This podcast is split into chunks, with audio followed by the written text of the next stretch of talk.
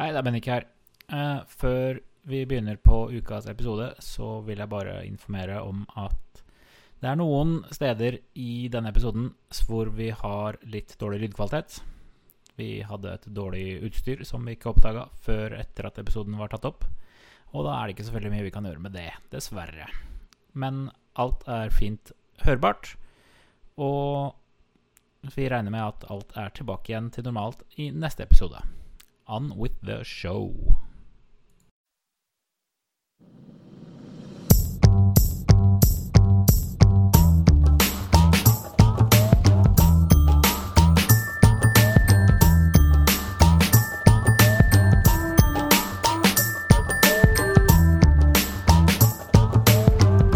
Du hører på Saltklypa, en liten dose virkelighet. Hjertelig velkommen til Saltklypa. Det er en podkast som kommer ut en eh, gang iblant, og vi prater om alle mulige slags spennende temaer. Eh, Dette her er vår 126. episode. Vi tar opp eh, onsdag Nei, årsdag. Torsdag er det. Årsdag den 18. august 2016. Jeg heter Bendik, og med meg i panelet i dag så har jeg Lisha. Hallo, hallo. Og jeg har med meg Jørgen. Tjallabais. Vi har også en person til med oss, men den personen skal bli introdusert nå. Vi har fått med et lytterspørsmål fra Markus. Han skriver Han så på Brille på TV Norge, og de hadde besøk av en hypnotisør som bl.a. fikk en person til å tro at han var, at han var Harald Eia, og at de andre paneldeltakerne var nakne. Finnes det noe som heter medisinske eller andre fakta som bekrefter at hypnose fungerer? Så da, I den anledningen så har vi invitert oss med en uh, tryllekunstner i uh, panelet i dag. Woohoo. Way. Vi introduserer Torbjørn. Hei, hei, alle sammen. Så da kan vi jo, vi jo bare begynne. Uh, tror vi at dette her faktisk skjedde? Det, det er et spørsmål som uh, eh, har flere nyanser enn jeg tror personen som stilte det, egentlig har fått med seg. Eh, finnes det medisinske eller andre fakta som bekrefter at hypnose fungerer, kan vi ta først, tror jeg. For det er publisert omtrent 12 000 studier siden 1950 oh, hei. Uh, om hypnose. Uh, og det er varierende resultater, naturligvis. Men uh, det er bl.a. påvist at du har personer som har større asymmetri mellom betabølgene i høyre og venstre hjernehalvdel. eh, har lettere for å bli hypnotisert. du har uh, skanning av hjerner mens de blir hypnotisert, hvor de kan observere forskjeller og uh, sånne ting. Men det er uh, et svært myteoppspunnet tema hvor det er veldig mange, mange misforestillinger og overtro som er ute og går. Ja, det kan jeg, kan jeg tro. Eller i hvert fall ifra, ifra fiksjon så hører vi i hvert fall veldig mange rare historier om hypnose hvor folk kan hypnotiseres til å bli en morder når de hører et bestemt ord, til å hypnotisere til å tro at melk smaker som eh, brus, eller til at eh, de skal slutte å røyke, eller eh, til at de skal stå og klukke som en kylling. Ja, Når det kommer til å slutte å røyke, f.eks., så er en av, de, en av de fire store tingene som på en måte er påvist, er at du kan drive smertelindring og avhengighetsbehandling og sånne ting. Da er det ofte snakk om 10-20 sessions hos en trent psykolog eh, med et behandlingstilbud ved siden av. Så er, da kan du ikke bare si at det er bare hypnosen som er med på det. Og hvis du hører en historie om noen som sier at hypnose kurerte dem på én session med, fra å røyke, så er det stort sett fordi det er en mer spennende historie enn at det tok ti år og tre skilsmisser. så Eksempel eh, da sånn Hvis vi, hvis vi begynner på showhypnose, da. Eh, slik, som, eh, slik som spørsmålet beskrev. Showhypnose er på en måte et litt annet dyr. Eh, du lurer med en gang på hvor mye personen er med på å spille med på notene fordi det er show. Um, samtidig så må du også spørre deg hvor mye av de unnskyldningene man lager for seg selv når man står der, er på en måte en slags kognitiv dissonans som lar deg gjøre det du ikke egentlig kanskje vil gjøre. Uh, samtidig som det er ingen som kan tvinge deg til å gjøre noe du ikke virkelig vil gjøre. Det hypnose er ingen tegn på at du kan gjøre noe som går deg imot moralsk. Um, så bare for å avlive den myten, sånn sett. Du, du, kommer ikke til å få noen til å drepe noen med mindre du Det, det mest overbevisende med det er vel Darren Browns uh, episode hvor han hypnotiserer noen over lang tid. Lang, lang, lang tid med mange mange sessions for å skyte Stephen Fry. Jeg vet ikke om dere kjenner til den?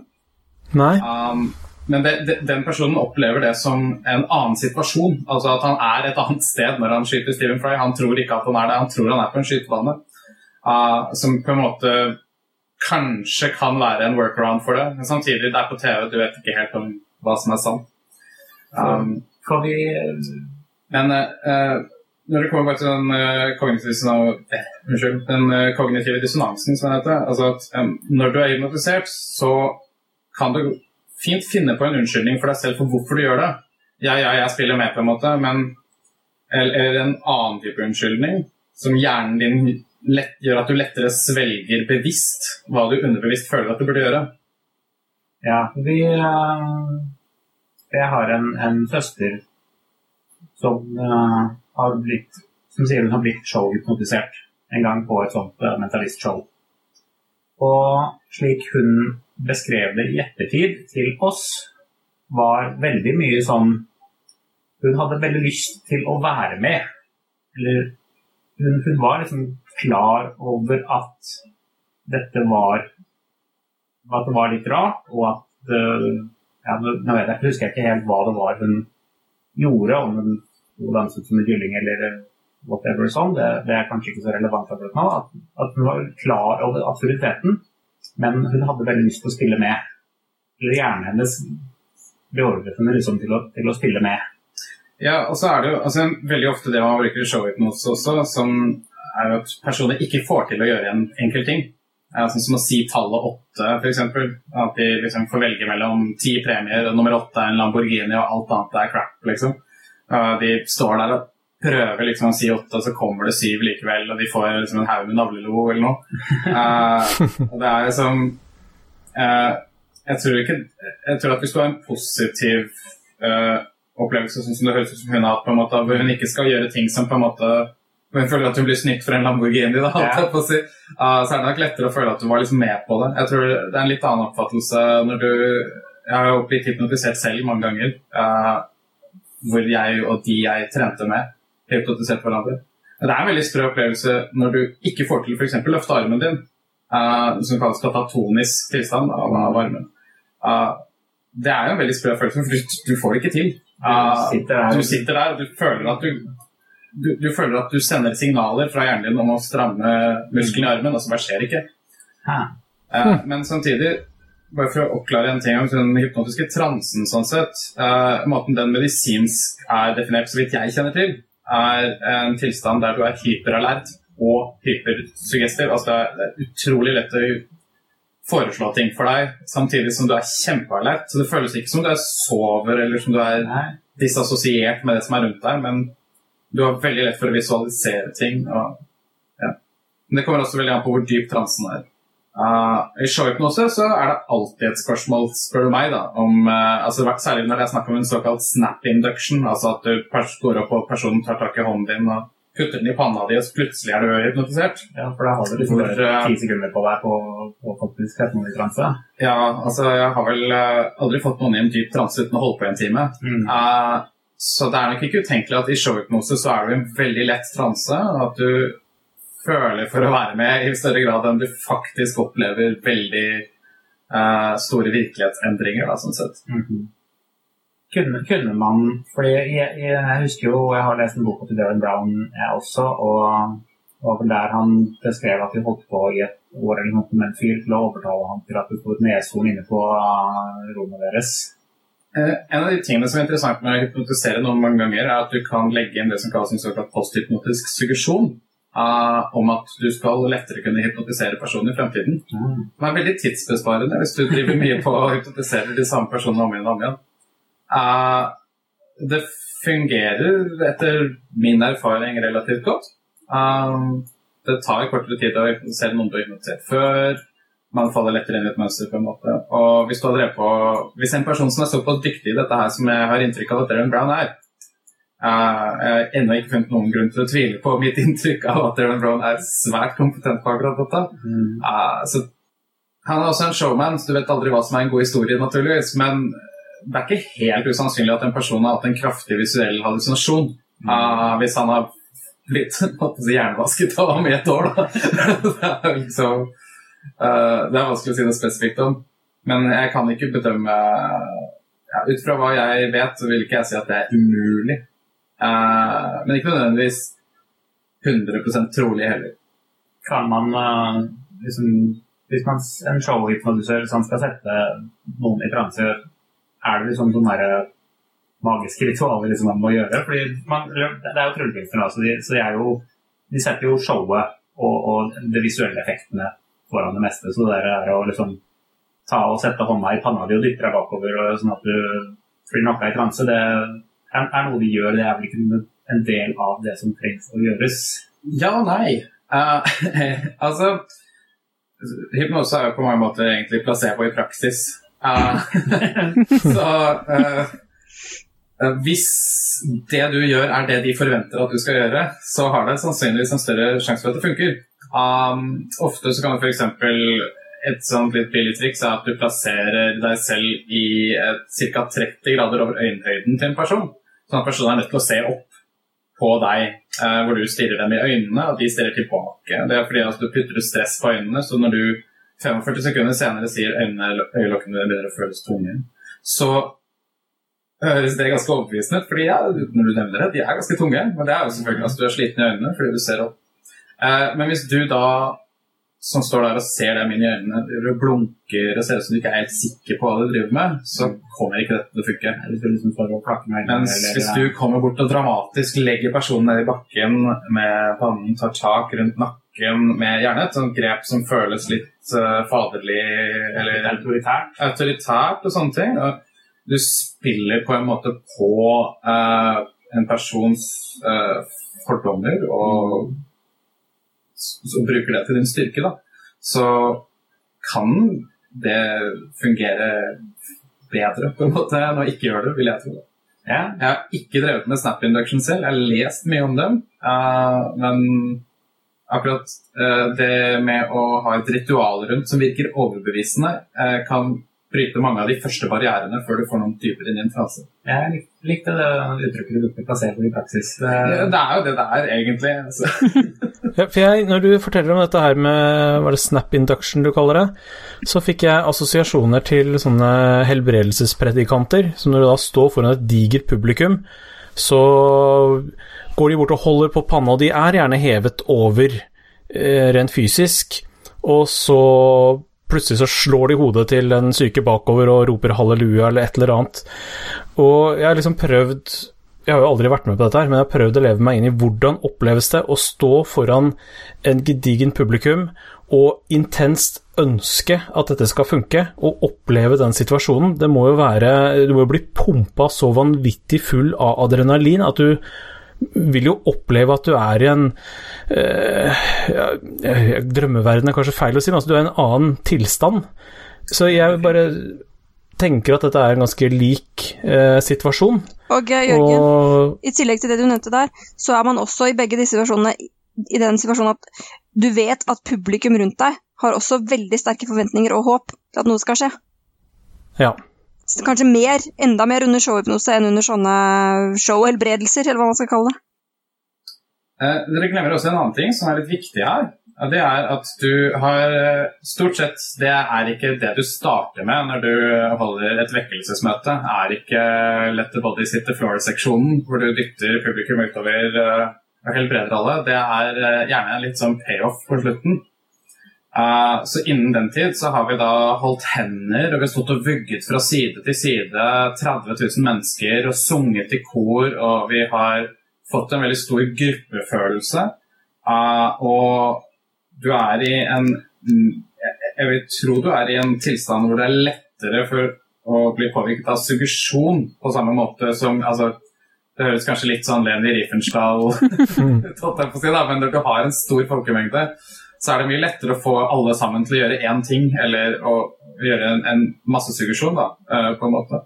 Og ja, jeg tror den eh, Nå føler jeg selvfølgelig at jeg beveger meg litt ut på tynn is, for jeg kan ikke si dette helt sånn spesifikt eller vise til et forskningsresultat som sier det, men hvis du står foran en crowd hvor du nettopp har brukt mye tid på meditasjon, og liksom per definisjon da, meditasjon eh, og bønn og sånne ting, så er du i en annen tilstand uh, mentalt. Og om den tilstanden er nærmere en hypnotisk tilstand, så vil det også være mye lettere å bruke suggesjon på den personen for at den personen skal oppleve noe. Ja, symptomene ligner jo litt på hverandre. Uh, det er seriøs forskning på om meditasjon er en form for transe. En form for hypnotisk transe. Uh, med hittil lovende resultater på det. At det er lik hjernetilstand når det skannes mellom hypnose og meditasjon. At det er en form for selvhypnose essensielt. Da. Så uh, det er nærliggende å tro at det er overlapp til uh, et, et, sånne fenomener også. Uh, det, det, var interessant, for det får meg også til å lure på om altså, Den populærvitenskapelige versjonen, eller eh, filmversjonen av hypnose som man kjenner, er liksom at man havner i en transe som er en helt annen tilstand. Man er liksom i en helt annen verden, på en måte. men kan hypnose egentlig være å være en del av et spekter av normaltilstander som, som er en del av vår egentlig vanlige måte å være på, bare at det er liksom en, en uh, ytterkant av en normaltilstand. Eh, kjører du bil, Jørgen? Ja. Har du noensinne opplevd at du har kjørt de siste fem minuttene, og du vet ikke helt om du kjørte på rett lys, fordi du har egentlig ikke helt fulgt med, og så får du følelsen av at shit, hvor lenge har jeg egentlig kjørt nå? det kan vel ha skjedd, ja. Det er en hypnotisk transe. Det er den vanligste hypnotiske transen folk opplever. er rett og slett at Repeterende vei og sånne ting, pluss at du er veldig vant til veien, så underbevisstheten din kan ta over kjøringen uten et problem. Du slipper på en måte tak i hverdagen. Det er en veldig, veldig typisk hverdagstranse, uh, kan du si. Det kan også oppstå når du sitter foran TV-en og er veldig sliten, som er et ypperlig tidspunkt til å vise deg reklame. sånn for øvrig. Uh, men, uh, men det, er, det, er ikke, det, er, ikke, uvanlig at mennesker altså, Det er helt vanlig for mennesker å, å være i lette transetilstander i, i, hverdagen i forskjellige situasjoner. Ha. Spennende. Bil, biltransen. Ja, det er et veldig vanlig eksempel. Du finner, hvis du googler litt, så er selve den biltransen er helt, helt vanlig. Du bare mister tid og sted og sånne ting. Uh, jeg bare skyter inn en anekdote der, hvis jeg får lov. Uh, en fyr jeg kjenner som er drosjesjåfør, han hadde fått uh, et oppdrag om å kjøre fra Oslo til Stockholm. Og det oppdraget tok han, og så kjørte han hjem igjen umiddelbart etterpå. Og da var det blitt sein kveld og natt, og han bare bælma kaffe og dura på. og da han kom hjem til Oslo, så husket han omtrent ingenting av turen fra Stockholm til Oslo. det er ikke helt det, det er jo nærliggende å tro at drosjesjåfør kjører lett på automatikk. da, Når du ja. kan skru av på en måte de funksjonene man ikke trenger, sånn som bevisstheten og sånn, ja. Eh, når du kjører bil. Uh, litt skummelt å tenke på, ja. ja. Hvis det er noen barn som hører på, hvis pappa virker som han er litt sånn fraværende å kjøre bil, ypperlig tidspunkt å spørre om mer ukelønn. Han er i en suggestiv tilstand, og bare skyter fyret løs. Uh, men jeg vil bare litt fort tilbake til én ting angående dette med litt sånn ritualer rundt å legge folk i bakken med ta rundt hodet deres og sånne ting. Um, uh, en av de første tingene du får vite hvis du leser eller hører noe av f.eks. Richard Brandler, som er, Bandler, er det det som er en av grunnleggerne av NLP. Nå kan det sies mye fram og tilbake angående NLP, uh, men de baserer seg mye på Milton Eriksens hypnosemodeller, så det er ikke alltid det det er, sånn, det er, det er mye halvsannheter i NLP, har jeg følelsen av. Men mm -hmm. det finnes ut noen ting fra hypnose der som ikke er eh, på jordet i det hele tatt. Uh, og han snakker veldig ofte om at hvis du skal hypnotisere noen, selvfølgelig er det mye bedre om du går over i å ha en rolig stemme som føles mer kommanderende, slapp rolig av. Senk skuldrene, lytt til stemmen din, i stedet for å snakke med en normal stemme. Fordi du får for det første oppmerksomheten til noen mye lettere, men også fordi de oppfatter den biten av ritualet som en bit som burde være der. Hvis den ikke er der, kan det godt føles som de er den som mangler. Uh, og de kan rett og slett tenke men det er ikke sånn hypnose er. det er noe som egentlig ikke helt fungerer uten at noen samarbeider. Uh, altså Man trenger det teatrale fordi folk forventer det teatrale? Nesten, altså. Uh, det hjelper definitivt. I min erfaring, i hvert fall. Uh, men det, det, er også spennende det du nevnte med tidsoppfattelsen til den drosjesjåføren. Um, har gjort det et par ganger uh, jeg interesserer folk til å holde en uh, relativt tung bok, litt sånn Oxford Dictionary-størrelse, uh, på strak arm i en sånn kvarter, f.eks.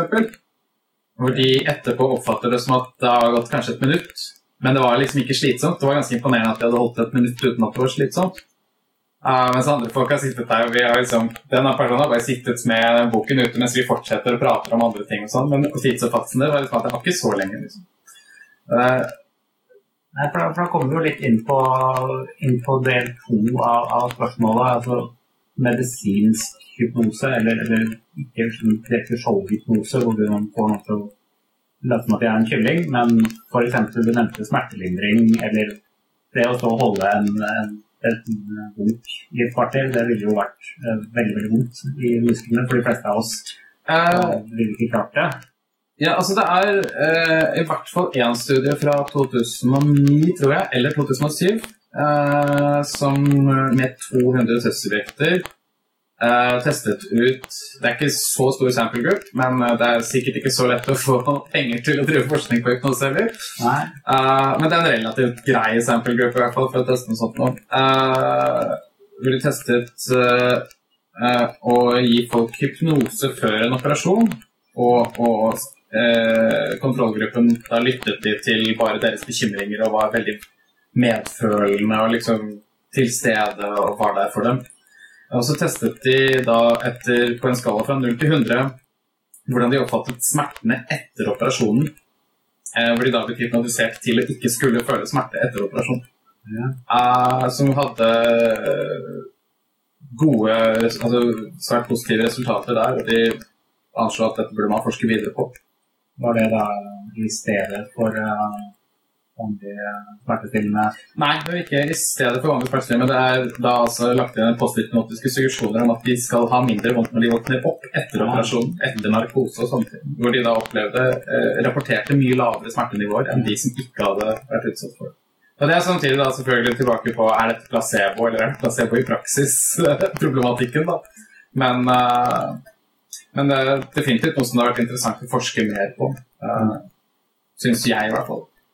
Jeg, jeg er vel biased. For jeg har lyst til å, å lage dårlig radio og, og vise deg et bilde. Ja. uh, av en person som Et, et relativt kjent bilde uh, av en fyr som jeg kommer til å ødelegge og si navnet på. Dick Chang Du. Uh, et veldig kjent bilde av en tibetansk munk som setter fyr på seg selv i 1964, var det vel, som protest. Eh, det er et av de mest kjente bildene du finner? Ja. Og alle øyeblikkene sier jo at han satt der helt Men han, hadde, han var i full fyr og flamme, helte bensin over seg selv. Og, men han satt der helt rolig og urørlig. Så, så alle spekulerer jo i at uh, det ikke bare er dette Shaolin martial arts uh, som gir ham full kontroll. Men at som er veldig uvanlig for uh, Eh, for tibetanske munker å drive med. Det. Men, men at han kanskje satte seg selv i en uh, transe som gjorde at han ikke, ikke følte eller at, eller at, hjernen hans ikke følte dette her. Da. Det, dette her er jo en ganske ekstrem situasjon. Ja, altså... Han sitter der med tusenvis av grader eh, med temperatur rundt seg. Og... I hvert fall oppimot 1000. Det er vel 800 eller noe på bensin, tror jeg. Jeg, jeg husker faktisk ikke helt sikkert uh, på det. Men det, det, er godt og varmt i hvert fall. Uh, altså er, Jeg tror vi er tilbake igjen på det jeg nevnte tidligere, med at meditasjon er en form for transe. Yeah. Uh, det, er ikke, det er veldig vanskelig å si noe spesifikt om uh, noe som man ser på et bilde fra 1967. Du kan, til å spekulere. Jeg kommer til å spekulere litt. Holdt jeg på å si, og si at det er ikke utenkelig at denne personen med et liv med meditasjon bak seg er relativt god på å sette seg selv i en disassosiert tilstand hvor han ikke føler den smerten i så stor grad at han føler for å reise seg opp før musklene er brent såpass mye at du ikke klarer å reise deg. Uh, som skjer også relativt fort. Jeg har lest om det her fra et medisinsk ståsted tidligere, nemlig om at det var noen som mente at han eh, musklene hans også da spennes av brannen på et tidspunkt. da han ikke kommer til å klare reise seg og dermed bare blir sittende og på en måte kroker inn på seg selv. Da. Ja, at, at musklene bidrar med de, ja, når de strammer seg, De så klarer fullstendig ikke opp, han klarer ikke å gjøre noe mer. Og så, du finner ofte brannofre og sånt, og, og de som er krøket sammen i Nå er det jeg som gjør dårlig radio og viser en fosterstilling. Uh, så um, Det er ikke utenkelig at det er overlapp mellom de to der, da, men eh, selvfølgelig. Altså Hvis du har brukt hele, hvis du har gitt hele livet ditt til å øve på viljestyrke også, så er jo ikke Jeg vet ikke om det nesten trenger å være overlapp til hypnose engang. Nei, det er vel, det er vel den hypotesen der. Jeg vil også bare bemerke at vi nå diskuterer ut fra premisset av at vitnebeskrivelsene er riktige. Og vitneutsagn er jo ofte ikke riktig i det hele tatt, selv om mange personer beskriver det samme. Kunne, for, for å gå, hoppe litt tilbake igjen til hvilken idé nå, kunne jeg ha blitt hypnotisert til å kunne spille fiolin? Nei. Eh, du kunne ikke blitt hypnotisert til å spille fiolin, med mindre du kunne fiolin, spille fiolin litt fra før. Jeg kan ikke spille fiolin fra før. Det kan Ah. jeg presisere. Men hvis du var Fikk to timer trening med å skyte med pistol, mm. eksempel, eller med pil og bue, da, for eksempel.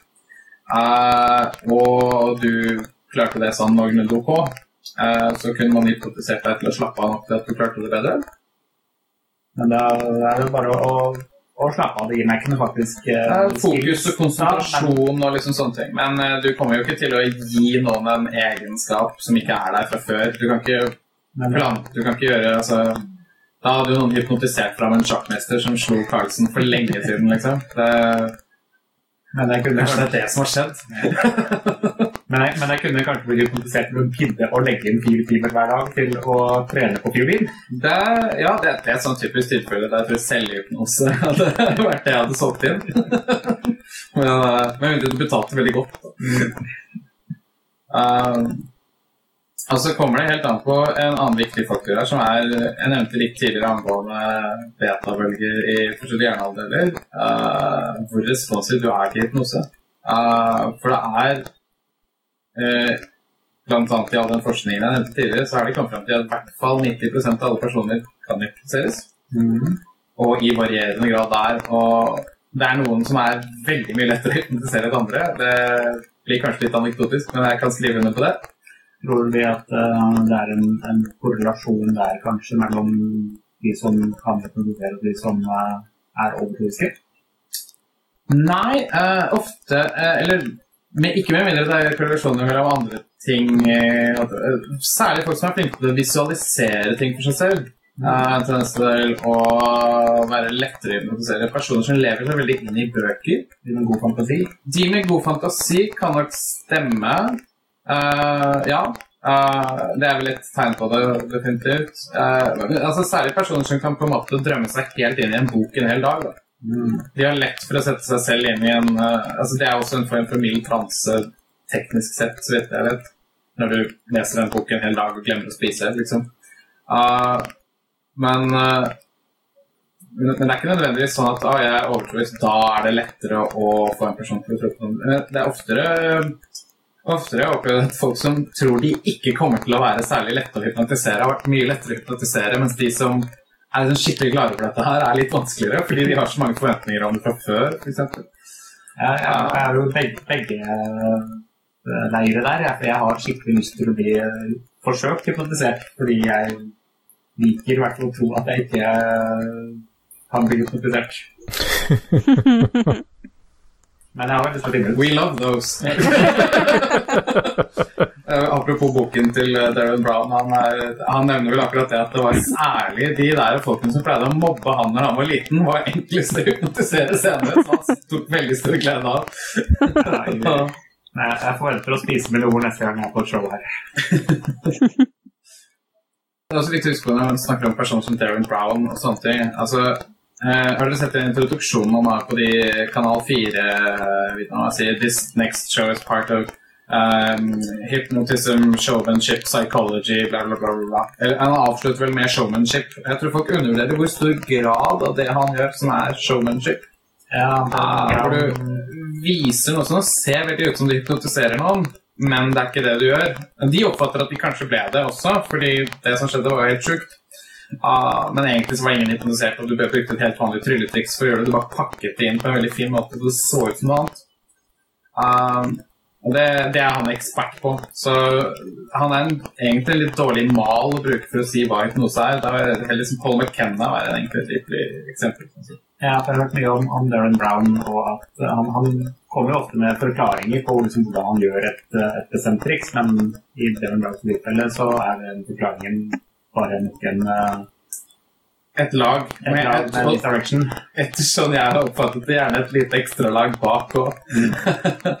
Så um, uh, Han liker av og til å gi små hint til andre tryllekunstnere. Uh, et av favorittriksene mine med ham er når han sitter nede i en krypt, og så gjør han et triks hvor noen får utdelt bilder. Det er noen mystisk musikk bak, og de sitter nede liksom, i et krypt på en kirkegård. Og han får utdelt masse bilder og så får han beskjed om å dele disse bildene inn i to bunker. og den ene bunken er de han tror er levende, og den andre bunken er de han tror er døde. Så deler han disse inn i de to bunkene, og så på slutten så flipper de dem, og så har han gjettet riktig på hver eneste en, og mirakler det. Så Darren Brown sier Wow, that was out of this world. Out of this world er jo da tilfeldigvis akkurat det korttrikset hvor jeg får deg til å legge alle kortene i en kortstokk ned på bordet og velge om de skal være røde eller sorte. Og når jeg snur dem, så er de det.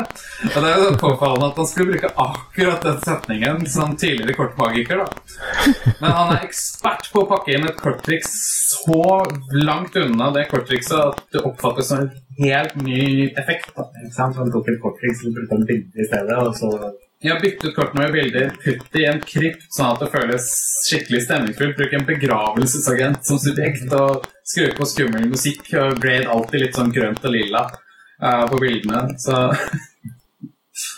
uh, Men sånn sett, hvis du ser på f.eks. Paul McKenna-show, da, uh, så ser du jo gjerne at han legger jo folk ned i bakken og hypnotiserer dem som en ben, sånn kollasjklipp. Det du ikke egentlig får helt inntrykk av det, er hvor lang tid bruker han egentlig på å hypnotisere alle disse menneskene? Han kan også sånn wow, wow, wow, i minutter på disse folkene her. Eh. Ja, eller altså snakke gruppehypnose, da, hvor alle sammen hører det samme.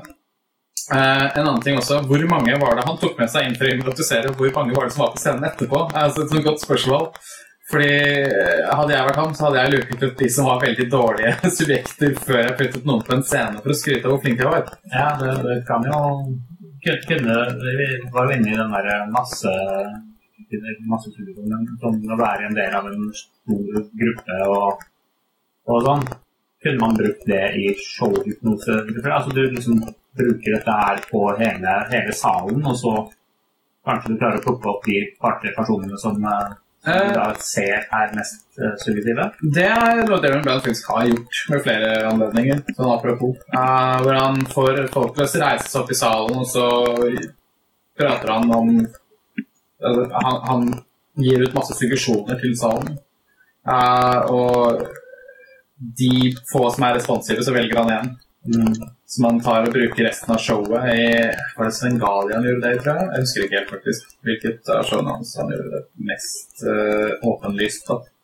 Og da er det jo åpenbart, selv for publikum der og da, at han har valgt den personen som dette kommer til å funke mest på, men det er på en måte litt av greia akkurat i det showet også, at det er en person som skal fungere der Og han er jo ærlig også på at det fungerer forskjellig på forskjellige mennesker, eh, eller i forskjellig grad. Der, så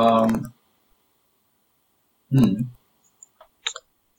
Ja, eh, jeg har et spørsmål, eh, eller litt mer om du kunne kanskje komme noen tanker rundt det. Jeg har lest en del bøker i det siste om eh, ja, hva skal man kalle det, barnehagepanikken og satanistpanikken i USA på 80- og 90-tallet. Og der er jo særlig den satanistgreiene, det begynte jo egentlig av hypnose.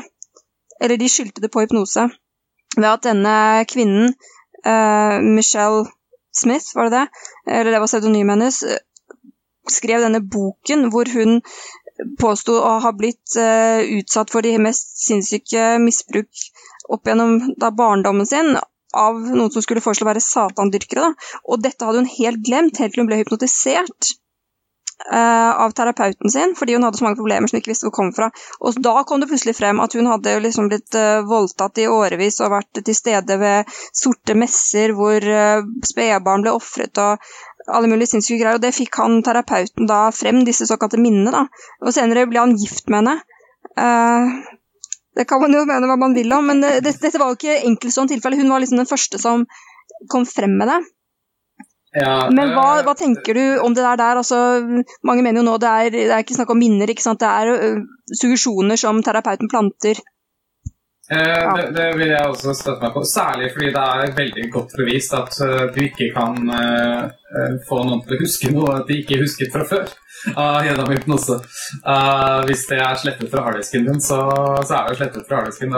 Det er veldig lite sannsynlig at det kommer fram pga. hypnose. Det er større sjanse for at det kommer, du får tilbake minner fra f.eks. en lukt som minner deg på noe.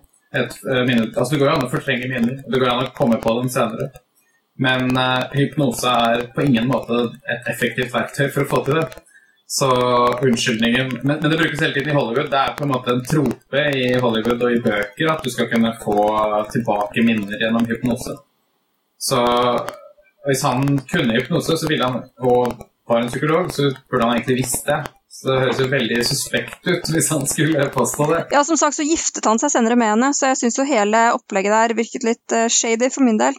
Eh, men man hører Ja. jo stadig vekk om at folk som har vært uh, vitner eller til og med offer i en eller annen eh, kriminalsak, har blitt hypnotisert for å se om de kan huske noe som de eh, ikke tror de kan huske. Kan det ha noe for seg om det er la oss si, et øyenvitne som eh, kanskje ikke kommer på alle detaljer fordi de ikke visste da de var vitne at det var noe de skulle huske?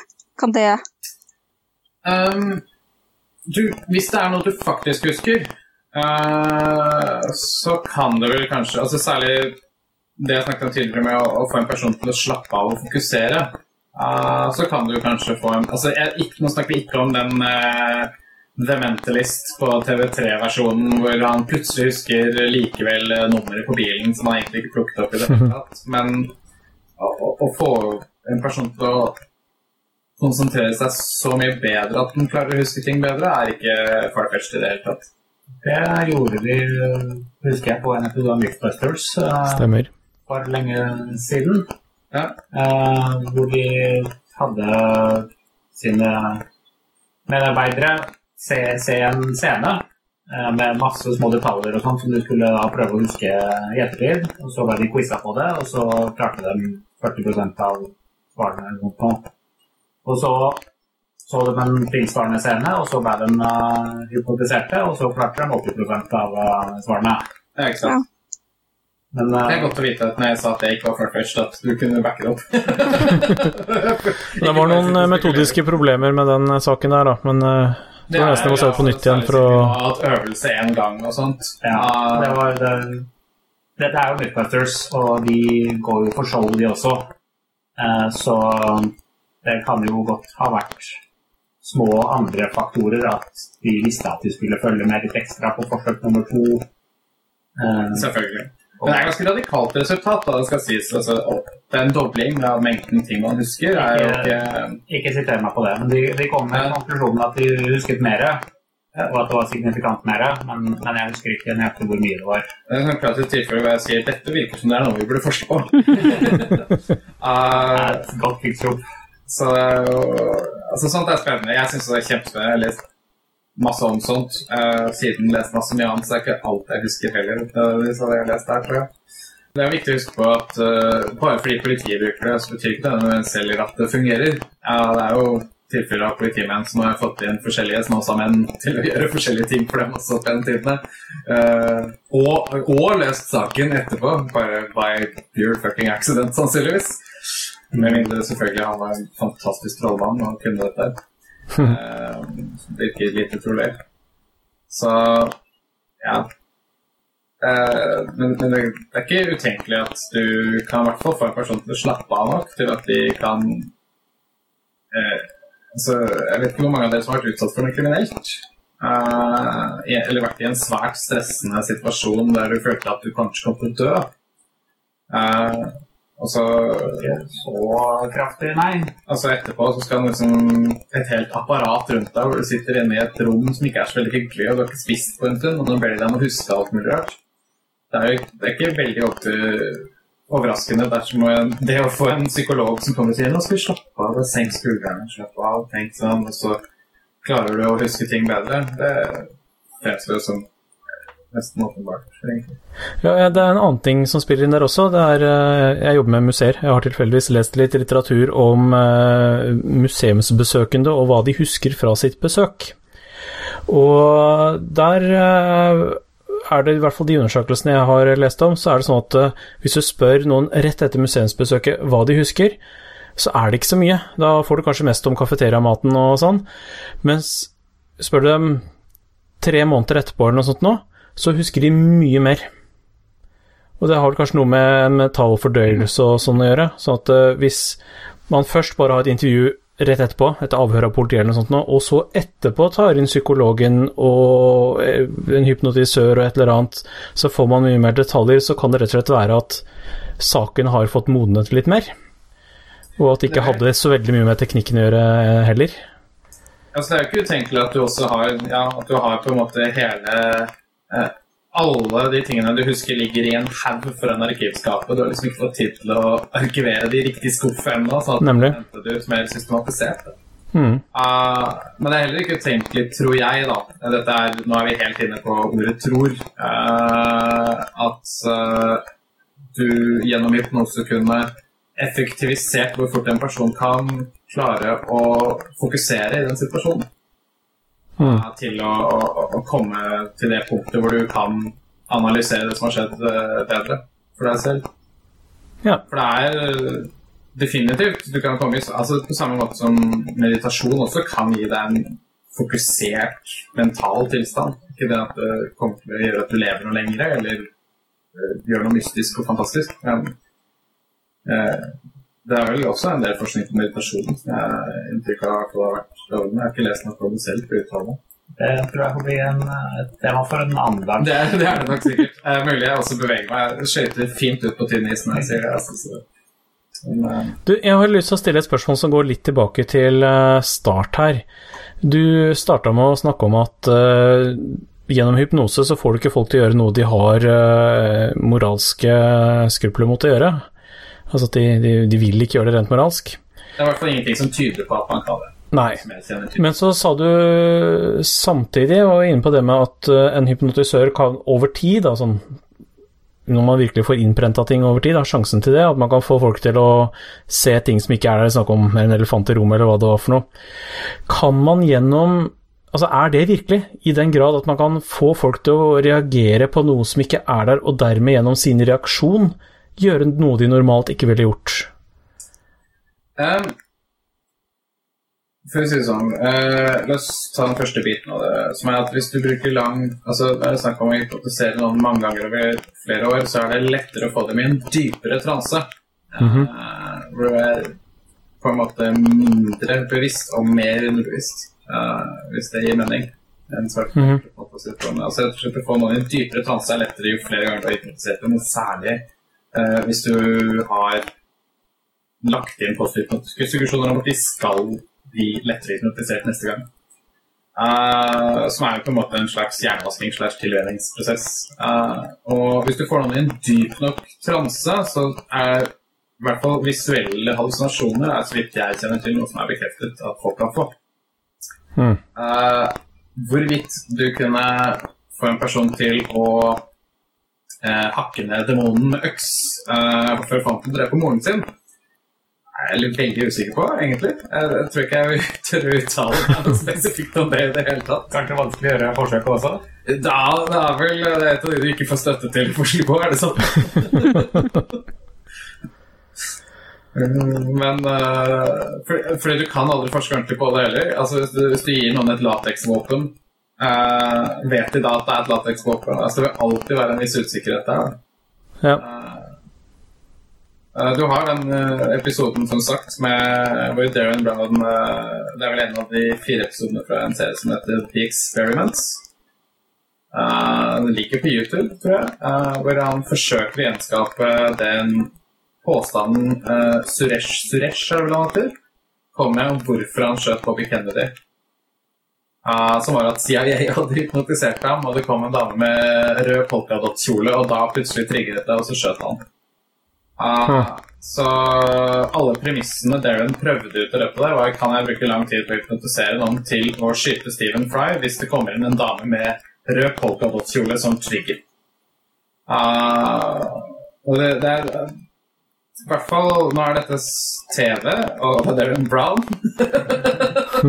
Uh, så det er jo alltid noen spørsmål der. Men han får i hvert fall en person til å reise seg opp midt under en talk uh, som Stephen Fry holder, og skyte ham med et våpen de har smuglet inn, eh, fra, som han ikke vet om at er der engang.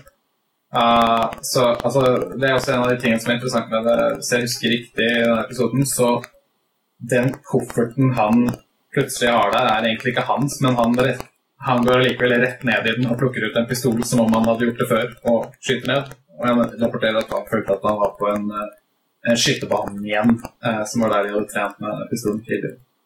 Uh, det er veldig interessant sånn sett, uh, fordi det vekker liksom et dilemma. Funker dette? Går, går det an å lure noen til å drepe noen andre? Uh, jeg sitter, vel, jeg sitter igjen og er veldig usikker på hvor eh, hvor mye av det som egentlig er ekte, hvor mye av det som er TV. Uh, litt fordi jeg har lyst til å være skeptisk og ikke bare tro på noe selv om jeg ser på TV. Særlig til jeg jobber med TV og vet hvor mye juks som er der. Uh, men, uh, men samtidig så er det veldig fascinerende. Det er noe man lurer på. Burde man forsket på det? Hmm. Burde man funnet ut om det faktisk går an? Jeg har i hvert fall inntrykk av at det er CIA og russisk etterretning har forsket ganske mye på det og ikke kommet med noen særlig lovende resultater. Det var jo en frislipp med den Freedom of Information Act og sånt også, hvor det var jo ganske forkastelige ting de hadde gjort. Sånn som å gi folk LSD uten at de visste om det også. Så det virker som en svært dårlig ting å gjøre mot noen. Ah, gratulerer med tolv timer med psykose, liksom. Iha. Ja, a meg. Uh, men uh, ja Men de forsket Ja, de drev jo på Det var forskning på sånn telepati og alt mulig rart tullball. Uh, uten at de kom fram til noe fornuftig, så vidt jeg har inntrykk av. Ja. ja, John Ronson skrev jo boken uh, 'Men Who Stare at Goats' om uh, litt av det der, der også. En høyt anbefalt bok, for øvrig film. Uh, på litt om det der, når de eh, prøvde å drepe geiter eh, hjernebølger. De fikk til å drepe én geit. Det som er interessant med det, at Hvis det stemmer at de har gjort dette, her, så er det kanskje en av de mest seriøse forskningen som har vært gjort på området. Og de har bare kommet fram til bunk. Ja, de kommer jo ingen vei, de heller. Nei, det er rart det der, altså. Så, så hovedkonklusjonene vi kan ta ut av det her, er at uh, hypnose er skikkelig rart. Og har en god del varierende effekter. Eh, ja. Iblant så virker det litt, og iblant virker det litt Det er såpass dårlig, myteomspunnet at det er litt vanskelig å si hva som er fakta og ikke. Men hvis du ser på forskningen, så er det noe som har mer indikator Mm. Eller liksom sterkere indikatorer på at det kan stemme. da. I hvert fall når i, i samfunnet vårt så er hypnotisører gjerne relegert til underholdningsbransjen, og, og vi tar dem litt ikke seriøst allerede der. De er jo gjøglere og, og tryllekunstnere, så vi tror ikke på dem. Nei, det ville jo ikke jeg heller gjort. Nei, du er det. ja, altså, det, det, er jo hele, det er jo det du betaler personen for, er jo at den skal lure deg. Mm. Så Men uh, et sånt triks man kan bruke i hverdagslivet sitt, for øvrig, som jeg har brukt et par ganger på babyer som eh, ikke vil sove, er eh, å plassere dem så du havner i en rapport med dem eh, som du er etter, hvor du blunker samtidig som babyen blunker, og så lar du den eh, blunkingen gå i takt med dem lenge nok til at du kan begynne å starte den blunkingen selv, og den følger deg. Mm. Og så blunke oftere og oftere til babyen etter hvert Du speiler, med. Du, du, det er helt vanlig speil. Det er sånn babyer også lærer deg ved å speile oppførselen. ja, du speiler babyen inntil babyen også speiler deg. Ja. Denne småbarnsfaren lytter veldig intenst akkurat nå.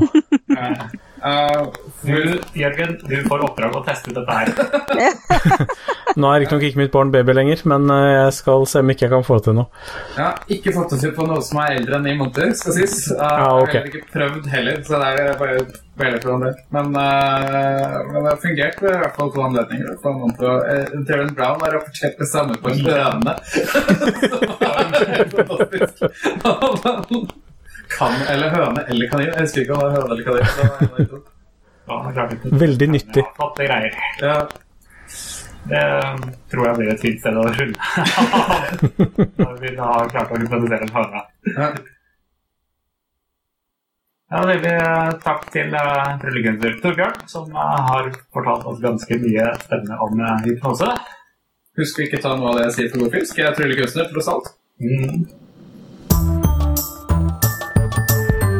Da sier vi igjen takk til Torbjørn for uh, en eh, god prat om eh, hypnose. Vi går videre til eh, ukens anbefalinger.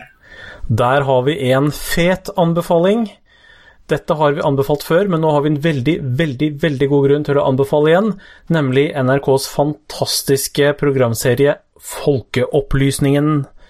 Nå skal de straks i gang med sesong nummer tre, og vi kan ikke annet enn å eh, anbefale, anbefale, anbefale alle å følge med på Folkeopplysningen. Første episode går onsdag 24. august klokken fem over halv ti på kvelden på en eller annen eh, av NRKs TV-stasjoner. Ja, jeg tror det kommer til å være første visning på NRK1, og så blir det helt sikkert noe reprise ja, på toeren eller treeren. Og det er syv episoder i den sesongen. Yes.